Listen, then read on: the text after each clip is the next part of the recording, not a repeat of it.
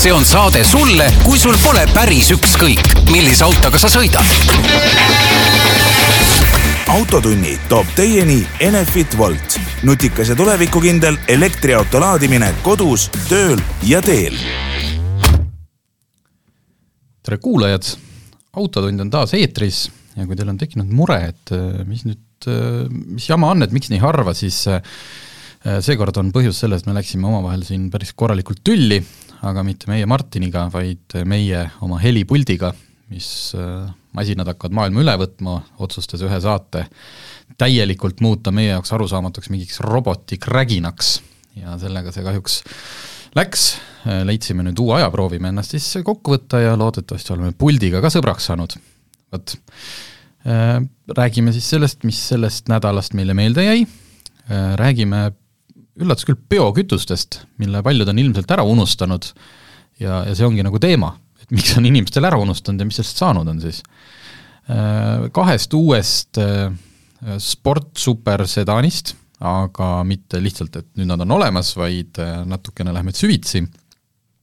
Ja räägime ühest suurest nelikveoliste autode topist ja räägime üldse, kuidas nendega talvele vastu minna ja kas seda kõike peaks kartma aga meie nädala siis, nädala meen-, meenutused. ja mina olen üldiselt, mina olen väga tehnoloogiasõbralik. mind ei sega, kui auto äh, tahab ise mõelda, selles mõttes, et äh, aitab mul roolida, aitab äh, mul pidurdada, kõiki neid asju teha, kiirust hoida, mul on praegult lähiajal plaanis oma sellele Alfale, mis ma siin hiljuti ostsin, millel oli ainult kiirushoidik, ma ei tea, miks keegi sellises klassis sellise otsuse teeb, et ostab ainult kiirushoidikuga auto, aga olgu, ja sain teada, et seda on võimalik äh, siis retrofit ida hästi lihtsalt äh, ka adaptiivseks. põhimõtteliselt ma pean ostma esindusest äh, kaks nuppu, mis lähevad roolile, seal on nagu need tühjad või need mm -hmm. tühjad kohad olemas, ja siis ühes teises kohas põhimõtteliselt progetakse mulle see adaptiivne sinna sisse, sest et tegelikult kaamerad ja need asjad on olemas, mis selleks vaja, sest mu autol hädapidurdus on olemas või see, et ta hakkab, kui ta näeb, et ma liiga suure hooga lähenen kellelegi, siis ta hakkab nagu kõigepealt plim-plim-plim-plim-plim tegema ja siis pidurdab Äh, vot, mina olen suur tehnoloogia fänn. mulle ikka väga meeldib see, et kuidas need auto neid varustusi kokku pannakse, et ma hiljuti sõitsin ühe Golfiga, millel on kõik kaamerad ja asjad kõik olemas ja aga rehvirõhuandurid, kus kohas need on, ei ole, ei ole kohtagi nende jaoks, ei saa aru, kuidas see loogika üldse töötab. jah, sellega seoses meenub mulle eelmine nädal äh, Lõuna-Eestis käidud äh, uue Mercedes-Benz GLC-ga, selline kvaliteetne linnamaastur, noh tõesti nagu kui hakkad seal vigu lugema, ega neid palju ei olegi, kui ma lõpuks hinna teada saan, võib-olla siis üks, üks suur viga tuleb, pole veel äh, seda hinda uurinud. aga täpselt sama asi, et see on nagu demoauto. et demoauto kindlasti ei pea olema nagu kõige võimsam mootoriga, et andke mulle nüüd ainult AMG ja vot siis on, ei, mootori osas on täiesti normaalne, et sa paned selle mootori, mida ilmselt inimene tuleb ostma. Aga kui inimene tuleb ostma Mercedes GLC-d, mis noh, ma olen jumala kindel, et selle auto hind on kuskile viiekümne, kuuekümne tuhande juurde, äh, sinna on komplekteeritud AMG pakett, no niisugune natukene edevam, teistsugused väljed, ilus punane nahksisu, päris, päris kihvt nägi välja, punase ja mustaga. kõik, kõik on olemas ja adaptiivset kiirussõidikut ei ole. et noh, mis te selle, tema autoga siis või, või on kuskil Eesti peal tuhanded ja tuhanded inimesed, kes jalutavad autopoodi sisse, ütled, aga ma see, aa, sellel see on adaptiivne, ai seda ma küll ei taha, see adaptiivne. palju see varustuses huvitav, see adaptiivne siis juurde nagu maksab, on inimestele Tavaliselt... seda ärge pange, et ma ta, saan ise ka hakkama. ta tuleb tavaliselt pakettidega ja mina ei tea, võib-olla neid niisuguseid äh, emaautosid üldse saadetakse tehasest ja, ja kohalik esindus ei saagi mitte midagi siin öelda. Äh, pluss see auto oli muidugi imelist külmkapivalget värvi, mille vastu ma ka üritan juba aastaid võidelda. et osadel firmadel on see valge natukene noh, kuidagigi süvitsi mindud, kas seal on seal mingi see sära sees, natukene õrn selline vandlitoon, aga mõned on ikkagi noh, konkreetselt valged külmkapid, kodutehnika noh, selles mõttes, kui me köökidesse, kui ma vaatan mingit koduajakirju, on hakanud pigem vastupidine suunitlus, et kõik üritavad oma külmkapi teha nagu võimalikult teistsuguseks, disainikaks. torkab ka poes vaata silma tegelikult, see on ka see asi, miks telefonid ja need kaaned on kümmet erinevat värvi või saad sealt midagi natukene teistmoodi. jah siis auto ja tema autod millegipärast kiputakse võtma just äh, valgena. Nii, aga seesama Mersuni, muuseas ma tahtsingi jõuda, seesama jutuga, et tehnoloogia mulle meeldib, suur ekraan mulle seal ka meeldib, puutetundlikud nupud ei meeldi, aga ärme seda kaant praegult ava, küll aga esimest korda selline oli mul noh, selline kogemus, kus reaalselt see eh, tehnoloogia tekitas eh, liiklusohtliku, väga liiklusohtliku olukorra, mida ma ei osanud isegi oodata, et võib tulla. et see ei olnud see, et ma nüüd maanteel rahulikult nagu noh, brausisin Facebooki ja, ja oh hoidku, et auto ei püsinudki isegi keset teed või siis oma sõidurajas Tartu. aga ükskõik, lihtsalt see hetk juhtus Tartus. sina oled ka seal käinud, kui sa tuled mööda see, mis silt ta nüüd on, Ukraina, ei, Vabaduse sild või ühel sillal muudeti nimi ära, aga no see Kaubamaja juures, see sild, mis tuleb üle jõe. tasku juures. jah, täpselt, tulingi mina tasku poolt, tahtsin pöörata vasakule Turu tänavale ja samal ajal tuleb ülevalt Riia mäelt teine suund, kellel on õigus samal ajal pöörata ka vasakule, ehk siis sinna Raekoja poole mm. -hmm. ja sa tuled sealt, sest sinul on roheline tuli, liiklusvool, tuled hea hooga, oma seda vasakpööret sooritad. selles mõttes ei vilkunud, mul oli jumala roheline tuli. ja vastu tuleb täpselt samamoodi auto suure hooga ja see Mersu tema jaoks arusaadav, arvuti arvutas, mõõtis radar, ma lähen praegu laupkokkuvõttesse kelle, kokkupõrkesse, ja ta pani keset ristmikku sellise ploki, et kui mul oleks, ja vaata, see on see, see on see, kus hooga minnakse, ma ei olnud nagu esimene auto, et nüüd stardime. ma läksin sealt, ütleme, sellise nelja-viiekümnega üle ja kui mu taga oleks keegi olnud, siis noh, milline idioot paneb lihtsalt keset nagu ristmikku piduri põhja muidugi, mina oleks õigeks jäänud, hoidke piki vahet mm. -hmm. et mis sõidad mulle selga. aga noh, täiesti ebaloogiline käitumine. et noh, kujuta ette, et kui sellele arvutile ei ole suudetud isegi seda no, kui me räägime siin praegu isejuhtimisest. sul oli selles mõttes ju suund sees, on ju, et sellest ka võiks nagu aru saada, et kas või see noh, rajal hoidmine, seal ju, kui sul on suund sees, siis aga nüüd on muidugi see küsimus, et ma paned suuna, aga vaata, osadel on see kolme klõpsu suund. ma hakkan minema, ma teen nagu selle et kui ta äkki see, ei, siis ta on ikkagi ju ära registreerinud, et ma lähen, lähen pöördesse. nii et ühesõnaga, et kui me räägime siin isejuhtimisest ja Tesladest, kes siin viimaste videode valguses ei ole ära tundnud, näiteks nal-, üks naljakas video on veebis, kus Tesla ei suuda, keegi autos filmib, ees sõidab hobukaarik. ja Tesla sõidab selle järel ja siis keegi filmib seda Tesla ekraani, et mida Tesla kõik pakub sellel hetkel, see on veok. ei, siis muutub see pilt, Tesla ekraanil on see, et ta näitab sinu ees olevat autot ka nagu mm. sellise nagu äh, multikajoonistusena. ei, see on veok, ei ole, see rattur, ei, see on, oota aga kui ei ole suudetud ära noh, õpetada autole sellist olukorda, siis muidugi, kui ma oleksin kellegagi laupa pannud, aitäh, Mersu, et pidurdasid, aga ma tegin vasakpööret. ja siin tulebki see koht, et nagu, et see arvuti võib seal mõelda tuhat korda kiiremini kui mina ja teha selle otsuse. isegi ta, ta ei mõtle kiiremini, aga ta suudab äh, kiiremini reageerida aga ta tegi jumala vale otsuse, noh, et, et ei ole nii, nii veatu see asi. vot, nii et äh, oli, oli värskendav.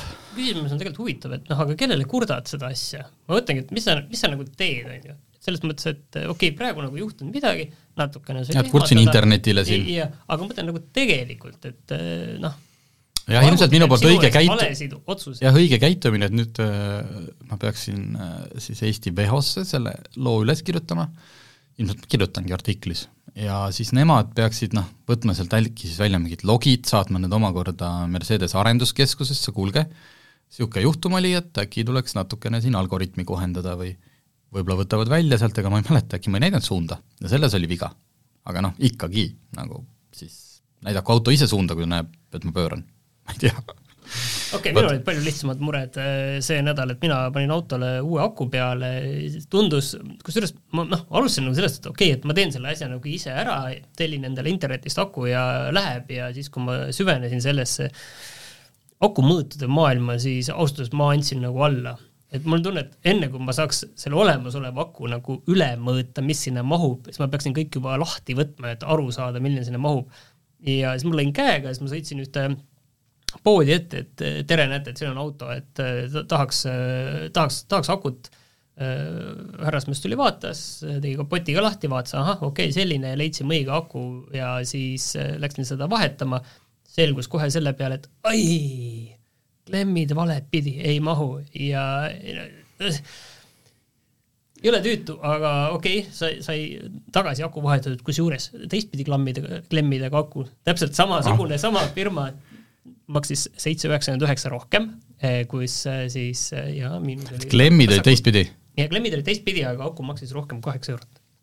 sisuliselt ma ei oskagi nagu näidet tuua, et kui see on nagu see on nagu banaan, vaata üks banaan on Jah. vasakule kõver, see, see maksab üks euro kilo ja teine banaan on parempoole kõver, siis maksab nii palju. okei okay,, ja mingit, mingit muud selgitust ka see müüja ei osanud öelda, et mis nüüd siis, et kas neid lihtsalt on, võib-olla siis niipidi klemmiga akusid tuleb äh, sellel tehasel toota võib-olla aastas noh näiteks saja tuhande asemel ainult kolmkümmend tuhat sinu No, sinu, sinu Hondade jaoks, et siis sealt tuleb äh, võib-olla sealt see vahe tegelikult tuleb, et, et jah, et tootmises ühte, ühtepidi tehakse vähem ja teistpidi rohkem, aga või lihtsalt Honda omanikele tehti jälle ääretust ära, et te olete rikkad, rikkad sõidate nende sain aru, et Hondale mahuvad väga väiksed akud peale võrreldes teiste, aga ühesõnaga, see maailm on ikka jõle, jõle keeruline, ma saan aru, et kes on seal sees, see saab kohe nagu aru, ahah, see standard, see standard, see standard ja nii edasi. Ja niipidi klemmid, naapidi klemmid, aga oligi, kui ikka poes tehakse ka lahti ja vaadatakse, ahah, niiviisi ja siis ikka valesti, siis äh, ühesõnaga üks lihtne asi, aga aga mega keeruline, mõnes mõttes mul oli hea meel, et ma internetist endale midagi ära ei tellinud ja siis oleks sellega niiviisi seisnud äh, vastamisi õnnetult ja tagasi saatnud. jah, internetist asjade tellimise on tõesti äh,. Mul sellega siis, näed, siin üks teema viib teiseni, aga mitte sel-, nende teemadeni, mis me kirja panime. Et meil on siin üks projekt käima minemas, millest me räägime peagi. Äh,, siin auto, autolehes Autogeeniuses. Äh, siin soetame omale autosid. Äh,. sellega seoses oli ka minul vaja akut osta. Me muidugi läksime suhteliselt ikkagi, kuna meie, me, meil oli vaja väga noh, kapotil ruumi oli, väga mõõtudes kinni ei olnud, vaatasime, et see amprid, võimsus oleks sama, igaks juhuks oli muidugi vana aku kaasas.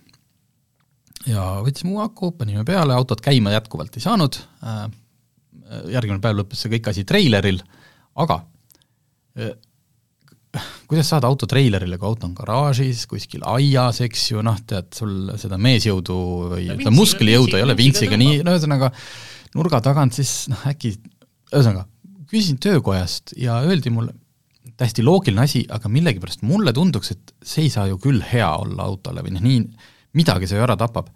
kuna mul oli tutt, kuna mul oli tutikas aku peal, siis ma lihtsalt sõitsin starteriga sealt garaažist ja hoovist välja, tänaval paik-, paigutasin ennast ilusti, et treileril oleks noh, võimalikult lihtne mind peale tõmmata. lihtsalt tagumine käik sisse, sidurit alla ei vajuta ja hakkad äh, süüd, keerad süüdet ja lihtsalt jõnksutad, noh, muidugi, nii saab, aga siis ma mõtlesin, midagi see peab ju ära tapma, see peab starteri või Jah, ei, ei, töökojast mulle öeldi, et võib-olla parandage mind, ma noh, kui, kui, kui keegi mulle nüüd valeinfot andis ja ega ma ei hakkagi niimoodi mööda Tallinnat liiklema, eks ju, starteri jõul, aga teatud hetkel, kui sa oled hädas, noh, sul on vaja saada auto kuskilt mingi kümme meetrit, mingi väga, kas või hästi üles mäge näiteks natukene, sul on üks lükkaja, no ei jõua. et teoreetiliselt see starteri variant on, tundub, et variant. oli väga tore starteriga sõita, tutika akuga. nii aga lähme siis nende teemade juurde, mis meil siin on äh,. alustame kütuse teemadega. alustame sellise lühemaga, mille sina mulle eelmine nädal niimoodi äh, näppu andsid ja ütlesid, et seda peab iga eestlane teadma.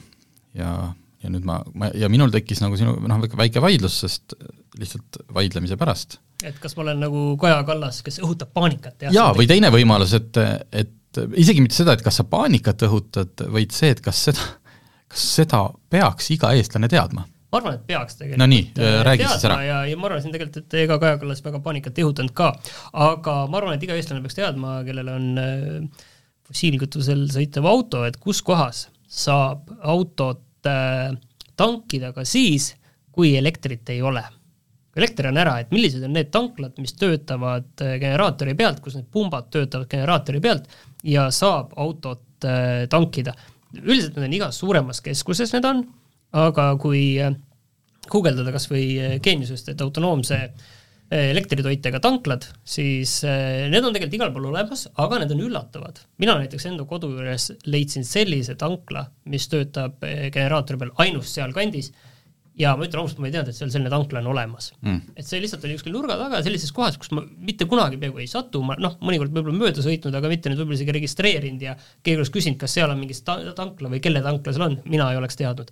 Et see, need võivad olla üllatavad tanklad, need on kettide lõikes täiesti erinevad ketid on need, ei ole ühe keti omad, need on täiesti segamini, mõnes kohas on terminal, mõnes kohas oli Olerex, Alexela, täiesti, ühesõnaga siin ei ole mingit äh, sellist äh, mustrit.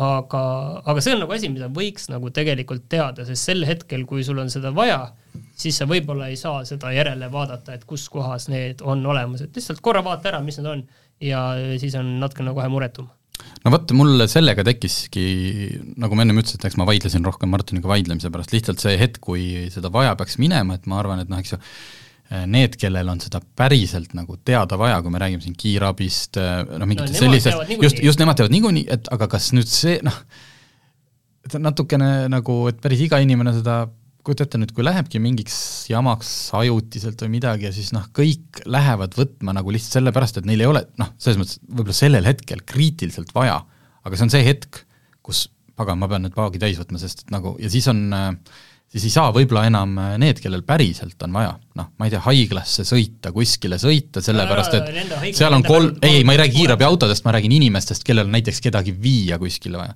siis nad ei saa enam jaole, mulle tunduks, et võib-olla, no ühesõnaga, loodame, et seda ei lähe vaja. aga no, teadke, just, aga teadke, et sellised tanklad on tegelikult Eestis olemas, äh, küsin siia intrigeeriva küsimuse, kas seal generaatori pealt ka elektriautot saab laadida kriisiolukorras? Äh, arvan, et mitte, aga, aga noh, see on võib-olla eraldi teema, kuhu praegu ma ei hakka nagu minema, et äh, kellel on endal generaatorid ja asjad olemas, et eks, eks seal nagu saab, ma arvan, ka laadida elektriautosid. Vot, aga teine, teine, mis äh, tegime sissejuhatuses, rääkisime, biolisandid, kütuse biolisandid. üks teema, mis natuke niimoodi, et kuna ise oled seal sees, siis mina seda nagu mingeid äh, uudisnuppe ja pressiteateid jälgides nagu järk-järgult on minule see asi selgeks saanud. et see suure kisa ja hädaga, kus ka mina, toona oli mul see vana Toyota Camry, pidin hakkama tankima üheksakümmend kaheksat, sest minu Toyota konkreetset mootorit ei olnud selles nimekirjas, mille kohta oleks öeldud, et jah, pane rahulikult seda E10 biodi-, biokütust, bensiini. tankisin üheksakümmend kaheksat. see tuli ja siis ühtäkki siis hakkasid tulema, noh kõik olid muidugi hästi vastu, paljud juba rääkisid, kuidas noh, juba lähevadki autod katki ja see kõik on nii õudne, kuigi see kõik tundus natuke naljakas, sest et üle lahe meil ju see kõik toimib ja kõik need autod ei ole katki, aga võib-olla see on teistsugune autopark, ma ei tea. ja hakkasid ära kaduma, üks ja teine hakkas juba reklaamima, et meil siin ikkagi on nüüd, ei ole E10, meil on ikkagi E5 ja, ja siis tulid tanklapostidele juba täiesti noh, suurtele, mit-, ma ei räägi isegi tankuri püstoli peal mm, -hmm. vaid suurtel tanklapostidel on kirjas noh, ilmselt kõigil, aga viimati mäletan just siin Olerexi juures kesklinnas, et noh, reklaam, et meil on biolisandivaba kütus. et äh, kus see siis nüüd siis läks, mis sai siis?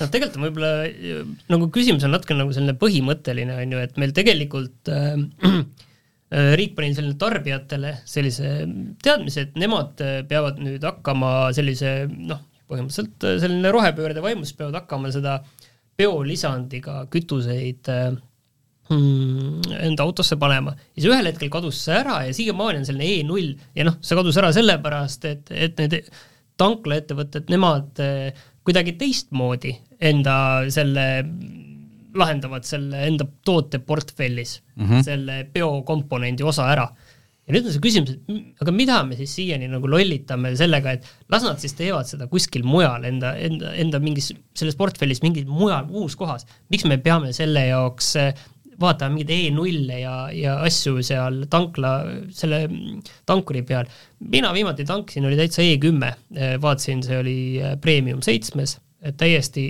see ei ole täiesti ära kadunud, mõnes kohas on alles, aga see tundub nagu see teemana täiesti nagu mõttetu peale selle, et noh, ma ei tea, no minu meelest ikkagi see, et paneme juba põhimõtteliselt see, et me natuke nüüd paneme etanooli sinna ja, ja tuhandete ja tuhandete ruutmeetri, ruutkilomeetrite kaupa põlde peab kuskil äh, kasvatama seda vilja ja nii edasi, et noh, et ma ei tea, kas see on nagu arusaam ökost või mitte, et pigem nagu ei.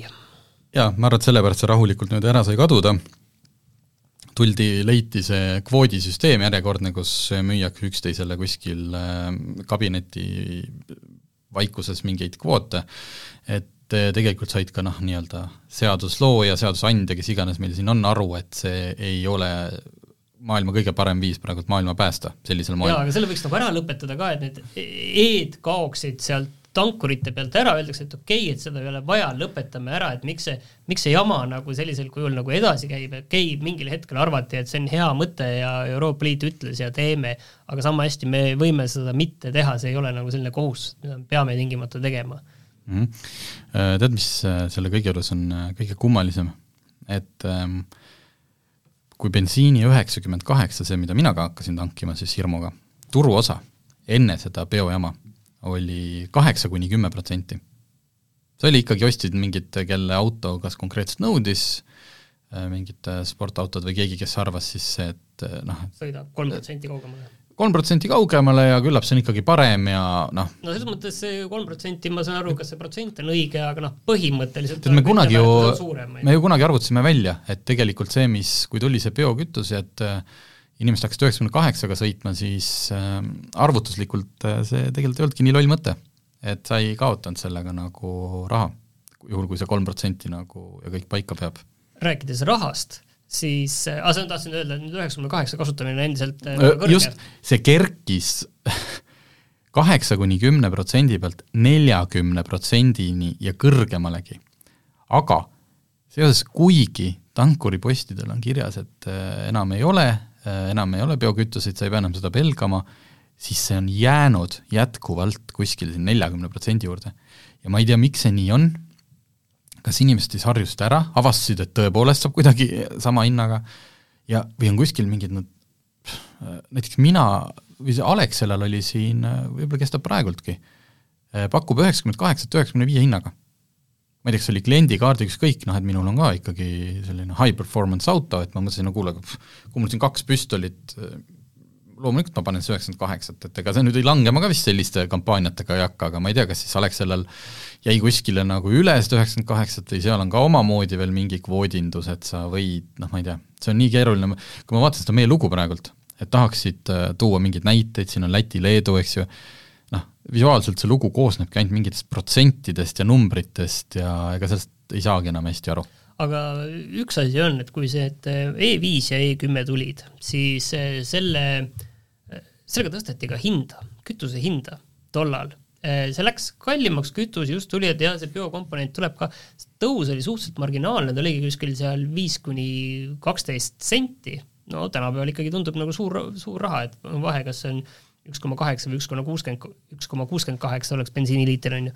Aga tõsteti hinda ka ja noh, mõnes mõttes on üldse küsimus, on ju, et kui seal on, nüüd on E null, et eh, mis see, kuhu see raha nüüd läks, et kas see, kas see selles kvoodi ostmiseks, ega nad jah, ega selles mõttes nüüd ei kaotatud seda kohustust ära, et mhm. nemad oma paberites peavad ikkagi näitama selle, et kust on tulnud, nad siis ostavadki, kes seal toodab enda biometaani, eks ju, Alexela, võib-olla ta saab teistelegi müüa, teised on seal paljud juba rahvusvahelised kontsernid saavad kuskilt sealt äh, võib-olla, mina ei tea, Euroopa poole pealt omale ära nüüd kaitse neid. ma ei kaitse, ma selgitan sulle.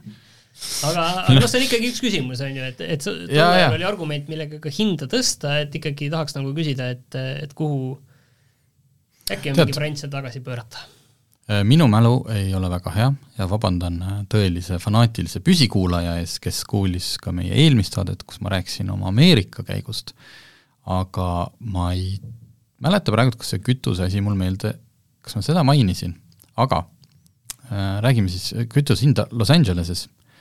Äh, oli niimoodi, et äh, ja ma ei räägi mingist kõrbest, et noh, kuskil kõrbetankla võib eks ükskõik mis hinna panna. Äh, Los Angelese kesklinna piirkonnas kõige kõrgema ja kõige madalama kütuse hinna vahe oli selline, et see auto oleks mul, mis mul seal oli rendikas, täispaak, ühe korra võtsin, tean, viiskümmend viis liitrit, olnud vastavalt kas seitsekümmend kuus eurot või üheksakümmend neli eurot. aga seal ei ole siis konkurentsi?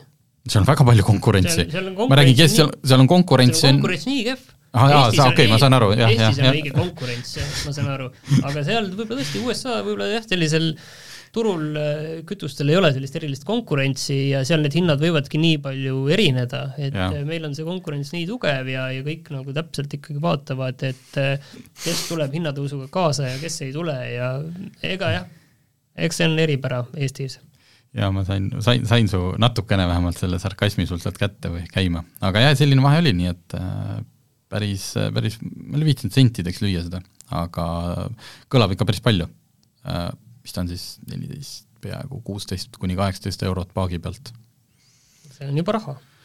see on raha, nii, räägime siis ikkagi veel ka päriselt autodest ja räägime sellisest autost nagu Mercedes AMG, kes, no me teadsime, et see tuleb, Mercedese uus AMG, C-klass ja me olime hoiatatud, aga nüüd see auto avalikustati, esitleti, tegemist on siis kuuesaja kaheksakümne hobujõulise sportsedaaniga ja universaaliga, kuussada kaheksakümmend hobujõudu küll lühiajaliselt, muidu vist oli midagi viissada kuuskümmend.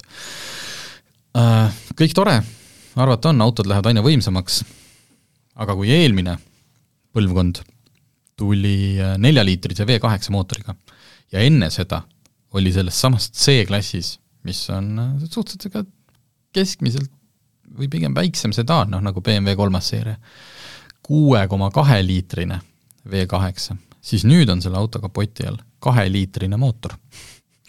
kaks liitrit, neli silindrit, äh, mis mootor äh, ise toodab seal neljasaja kuuekümne hobujõu ligi.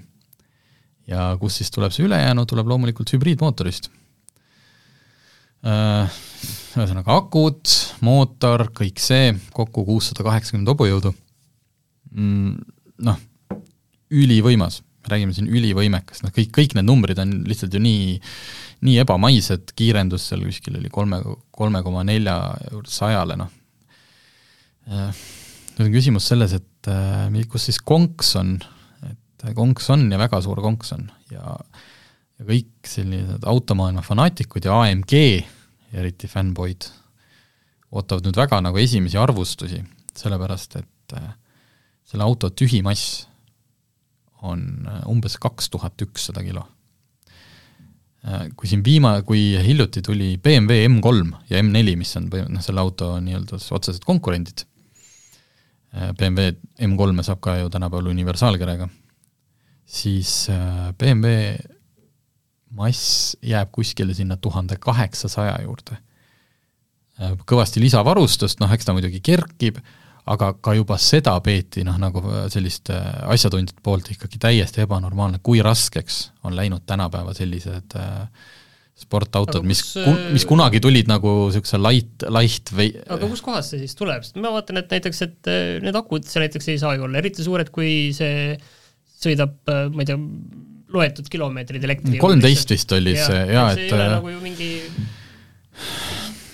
Ar-, jah, just, just, aga see ongi kõigile, noh et kiloke siit, eks ju, elektrimootor, siis on neid ega see ei ole ainuke elektrimootor, seal on neid veel mitmeid, üks käitab seal, ajab turbole hoo sisse ja siis üks minu arust oli veel kuskil käigukasti juures või et noh, ongi, et kõik see tipp-täpid, et, et ilmselt ega see ei ole ju Mercedese enda valik, et noh, insenerid nüüd lõid üksteisele patsu, ütlesid, poisid, nüüd teeme kaheliitrise AMG, noh. see on lihtsalt äh, euronormid nagu tulevad sulle kolinal kaela, et sa ei saa lihtsalt teha enam kuue koma kahe liitrist V8-t. aga kui sa paned siis, kui, kui see kõik tähendab seda, et see auto hakkab kaaluma kaks tuhat ükssada kilo pluss kõik need materjalid, mida sinna kasutatakse, et selle auto, noh kus, kuidas saab selle auto jalajälg, räägime siis ainult paberil. Et kui geniaalsed nagu joonistajad on, kes teevad siis sellele Euroopa Liidu ametnikule selgeks, et selle auto jalajälg, mis iganes nagu, kus, kus on kasutatud neid liitiume ja asju ja see kaalub kaks, on nüüd väiksem, noh, kui oleks nagu lihtsalt suure ära, mootoriga. ära muretse, et Excel nagu kannatab Excel kõike. kannatab kõik. see on nagu, ma olen hakanud ise ka nägema seda, et Excelisse võib panna nagu ükskõik mis asju ja kuidas see, kuidas see nagu reaalsusega on seotud, see on nagu täiesti erinevad teemad, eriti, eriti, kõik, mis puudutab kliimat mm -hmm. ja, ja mingeid prognoose või biokütuseid. absoluutselt, see, see, sinna võib Excelisse tõmmata, ma kujutan, kujutad ette, kui Eestis tulid need E5 tuli kasutusele, siis äh, kuidas tõmmati äh, lineaarne joon, kuidas kõik hakkab minema paremaks, kuidas äh, kuidas, kui palju hoitakse emissioone kinni ja kõik, ma kujutan Excelit väga hästi ette.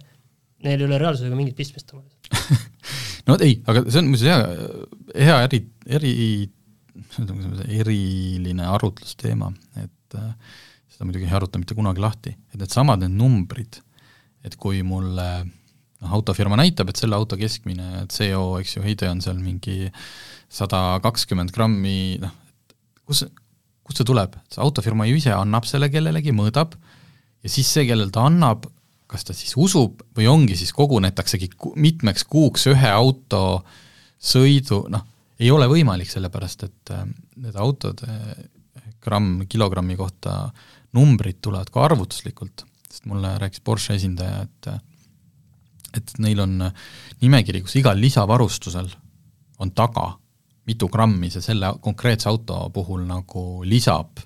et sa võtad, ostad Porsche, seal on by default on, eks ju, vaikimisi on nii palju äh, heit, heitmeid, aga kui sa paned selle velje asemel selle teise velje ja siis paned selle suure tagatiiva, aga siis võtad siit selle asja ära, siis noh, kogu aeg niimoodi nagu arvelauaga, kogu aeg käib. aga seda ei käi ju ükski euroametnik nagu igat seda pagana detaili üle mõõtma, see on lihtsalt, et kuidas keegi ütleb. ei tea, ilmselt mingi auditeerimine seal kuskil mingil tasemel nagu on, aga ma arvan, et seal auditeeritakse pigem mingeid suuremaid numbreid ja mingeid asju, mis kokku mm -hmm. läheks, lähevad ja siis kindlasti, kindlasti nad ostavad peale selle veel teisest otsast mingit metsamaad, et meil on see metsamaa ja sealt me nagu tasakaalustame mesilased panime ka sinna ja, kontori katusele. ja siis äh, tänu sellele nüüd äh, on äh, maailm parem koht. Nii et ühesõnaga varsti siis tuleb tänavatele C-klassi Mercedes, mis kaalub umbes sama palju kui mis see oli, ütleme kaks tuhat ükssada, mina ei tea, kes see on, vedelike või asjadega. Ja noh, kui ma nüüd ei eksi, see Lamborghini Urus, millega ma sõitsin mis on neljaliitrine ja V8 ja hiiglaslik, siis äh, see oli vaid paarsada kilo vast raskem, vähemalt paberil, et äh, sinna see ökošmöko läheb, et äh, noh, mina olen väga rohe, rohelise meelega ja arvan, et midagi tuleb teha ja, ja palju, mis tehakse, on ka õige, aga antud juhul ma küll ei leia, et see kuidagi õige oleks, eriti arvestades noh, selle autode nagu, nende konkreetse autode noh, reaalset nagu müügiarvu või me räägime ikkagi mingist butiikautodest, noh. Et äh, miks seal võimelda, aga võib-olla annab see sealt lihtsalt, et ongi nagu arendusplatvorm, noh nagu on äh, üldse võidusõidumaailm, kus tihti nagu katsetatakse mingeid asju, mis tulevad siis meil lõpuks äh, tava sellesse ja siis seal AMG kaheliitrises C-klassis tehaksegi mingeid, mingit võlutrikki, mis lõpuks kandub üle kõik äh, tavaautodesse ja me elame rõõmsasti palju rohelisemas maailmas.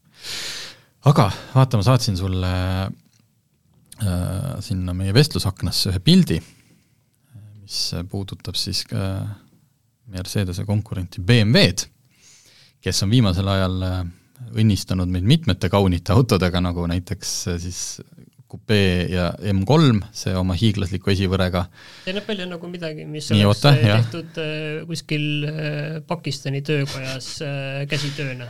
just, ja nüüd on küsimus, kas BMW trollib kas keegi kuskil internetist trollib meid, aga igatahes nüüd on lekkinud uue BMW M2 pildid, mis on loomulikult tehtud niimoodi kuskil garaažis, need ei ole ametlikud, need ei ole mingid stuudiofotod, äh, loomulikult on äh, automaailm jälle täiesti endast väljas ja ma saan aru, et põhjusega, sest kui esiots on selle auto puhul tegelikult noh, selline jah, noh jah, ok, siis külg ja taga on täpselt, sa ütlesid, mulle see tagaots meenutab veel äh, mingit kahe tuhandendate arvutimängu kus lihtsalt ei olnud võimalik teha nagu noh, kujuta ette Lara Crofti esiosa, mis ei olnud noh, anatoomiliselt üldse, eks ju, selline aga no selles mõttes, et sa ei saanud äh, selliseid ähm, ümaraid tekstuure teha, vaid noh, see polügoonid on nende nimi okay., põhimõtteliselt polügoonid ja need ongi sellised äh, kolmnurgad, et sa paned tegelikult maailma kokku väikestest kolmnurkadest mm -hmm. enam-vähem. just, ja see BMW tagaosa näeb välja nagu kahe tuhandete algus arvutimäng, kus on lihtsalt see disainitud, see tagaspoilerid ja need laiendid lihtsalt äh, sellised, et äh, noh,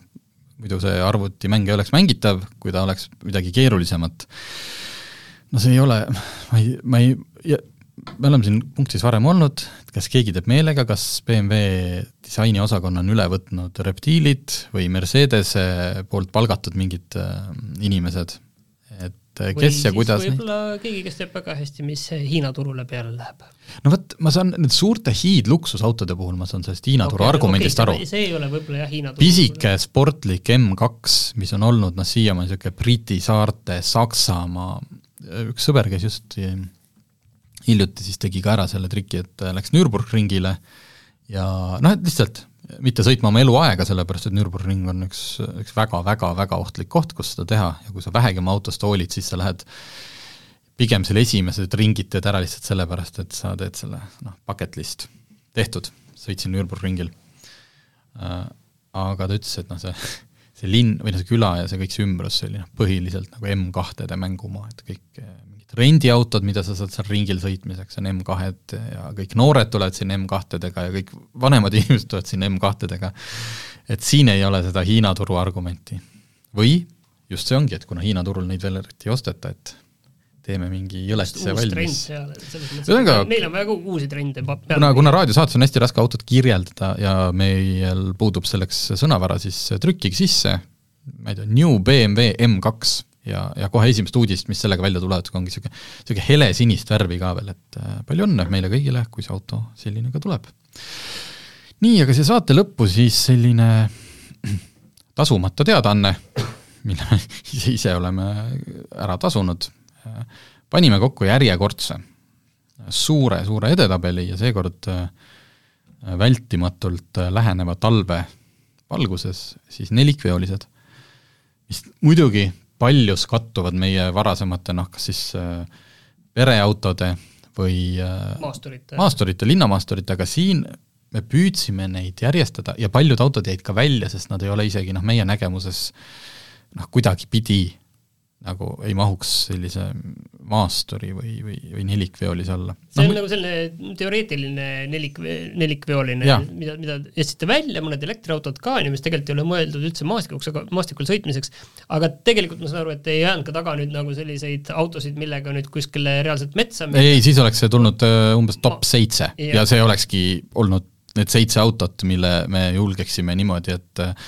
noh, käsi südamele öelda, et jah sellega mine kuhu tahad, kinni jääd nagunii, aga ega midagi paremat ka enam saada ei ole. aga ma saan aru, et põhimõtteliselt umbes sellised autod, et kui äh, sajab äh, üleöö kakskümmend viis sentimeetrit lund maha, siis sa väga muretsema nüüd selle pärast ei pea. just, et äh, siin mõnel, noh jälle jagasime hinnaklassides, mõne auto puhul kindlasti võib-olla pead nagu tagurdama ja nõksutama ja võib-olla korraga noh, ikkagi on karm lumi, et ega seda põhja, see on nagu enamuste tegelikult, kui me ei räägi siin just tõstetud mingitest Jeep Wrangleritest, et et talvises oludes tegelikult on äh, see, et sul võid rattad ringi käia, aga kui see on niisugune kõva äh, sulav lumi, kui sa ennast põhja peale tõstad, mina olen äh, sealsamas, mitte ainult lumi, Mustjõe maastikusõidurada, mis asub seal Kõrvemaal, ma sain, noh, täiesti ilma mingi vaevata suutsin ma ennast niimoodi põhja peale sõita uue Land Rover Defenderi lühikese vere, kerega versiooniga.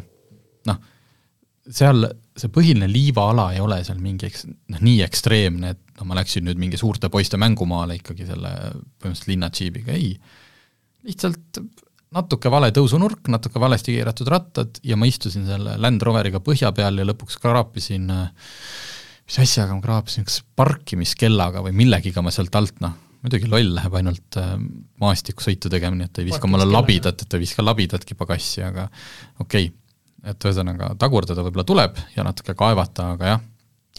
aga tead, mis selle kolm hinnaklassi, kuni nelikümmend tuhat, kuni seitsekümmend tuhat ja üle selle, sest et noh, kui meil tavapäraselt olnud niisugune kolmkümmend, kuuskümmend ja üle kuuekümne, siis autode hinnad on nagunii niimoodi tõusnud. Ja kui me räägime veel nelikveolistest, siis noh, lihtsalt me pidime selle hinnaklassi, esimese hinnaklassi neljakümneni tõstma, muidu see oleks väga nukker pilt seal olnud ja mis siis selle juures äh, kõige äh, kummalisem või ootamatum, et äh, kui me räägime kahest soodsamast hinnaklassist, nelikümmend ja kuni seitsekümmend, siis selle võitjad, ehk siis meie arust kõige võimekamad autod, on sisuliselt noh, kõik mu-, kuskil linnamaasturite või uute autode tabelis ei ole nad meil saavutanud kunagi mitte mingit äh, mõistlikku kohta, sest nad on tehnoloogiliselt mõnes mõttes äh, kuidagi nagu vananenud või neil ei ole nagu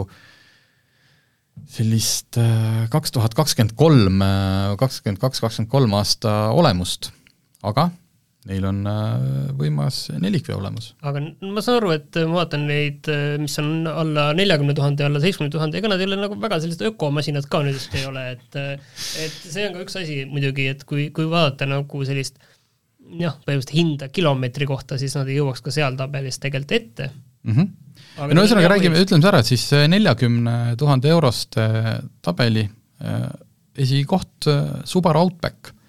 Okei okay,, tegemist on tegelikult väga moodsa autoga selles mõttes, et ja mis Subaru puhul väärib väljatoomist, lisaks püsivale nelikveole, mitte sellisele neok-, nelikveole, kus tagumist rattat tuleb appi siis, kui esimesed juba lootusetult kinni on, nagu paljude linnamaasturite puhul, või siis tähendab seda, et veab ainult see üks ratas, mis õhus on. ma olen näinud ühte Volvo, Volvo XC6, et mina olin tookord Ford Raptoriga, selle Euroopa versiooniga, hästi väiksel mingil maastiku asjal oli, natuke läksime nalja tegema. panin seal mingist tõusust üles, sõber üritas Volvo XC60-ga järgi tulla ja noh, ta põhimõtteliselt ei jõudnud seda tõusu alustadagi. sest et üks ratas, mis sel hetkel vedama oleks, see jäi õhku ja mingi jama seal oli, et äh, Subaru Outbackil kõva nelikvedu, väga kõrge clearance, kakskümmend üks koma kolm äh, sentimeetrit, mis on tegelikult, kui sa visuaalselt vaatad, väga selline noh, et sealt alt tead õhem inimene roomab läbigi. Äh, aga mis ma tahtsin välja tuua, mille üle nad uhked on, on, et juba baasvarustuses on neil olemas tegelikult kõik juhiabid, mis praegult noh, neil nagu niimoodi saada on. mitte nagu see, et jah, et miinimum, mida Euroopa Liit nõuab ja kõik ülejäänud siis ostad endale juurde, vaid baasvarustuses on olemas. ja miks Subaru siis muidu ei võida meil tavaliselt kõiki erinevaid edetabeleid, on see, et ta kasutab jube vanaaegset niisugust mootorit, kahe poole liitrine vabalt hingav boksarmootor, millel on teatud head küljed, aga need ei kaalu üle seda, et ökonoomne ta ei ole, aga see-eest jõudu on väga vähe ja ta on ikka tõeliselt nagu selline tänapäeva mõistes jõuetu mulje jättev mootor.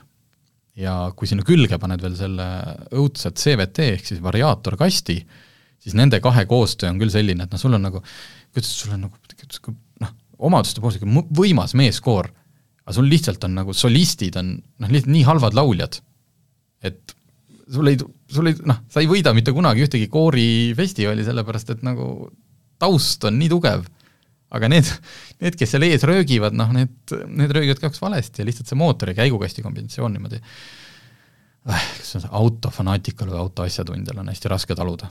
tavainimene, ja sellepärast on sellel autol ka suur müügiedu, noh, tavainimene ei saa sellest arugi. On jah, natuke röögib, et võtad gaasi põhja, midagi ei juhtu, auto röögib, no las ta siis, ma ei tea, ega mul see üheksakümne kuuendast Opel tegi samamoodi. aga mm. muus mõttes noh, ja põhiline on see, et selle kõige tippmine versioon ületab natuke seda neljakümne tuhande piiri. aga sisuliselt selle neljakümne tuhande eest saad sa täisvarustuses korraliku, võimeka ja eriti just kehvadel teedel, kruusateel, kohutavalt mug-, mugav auto.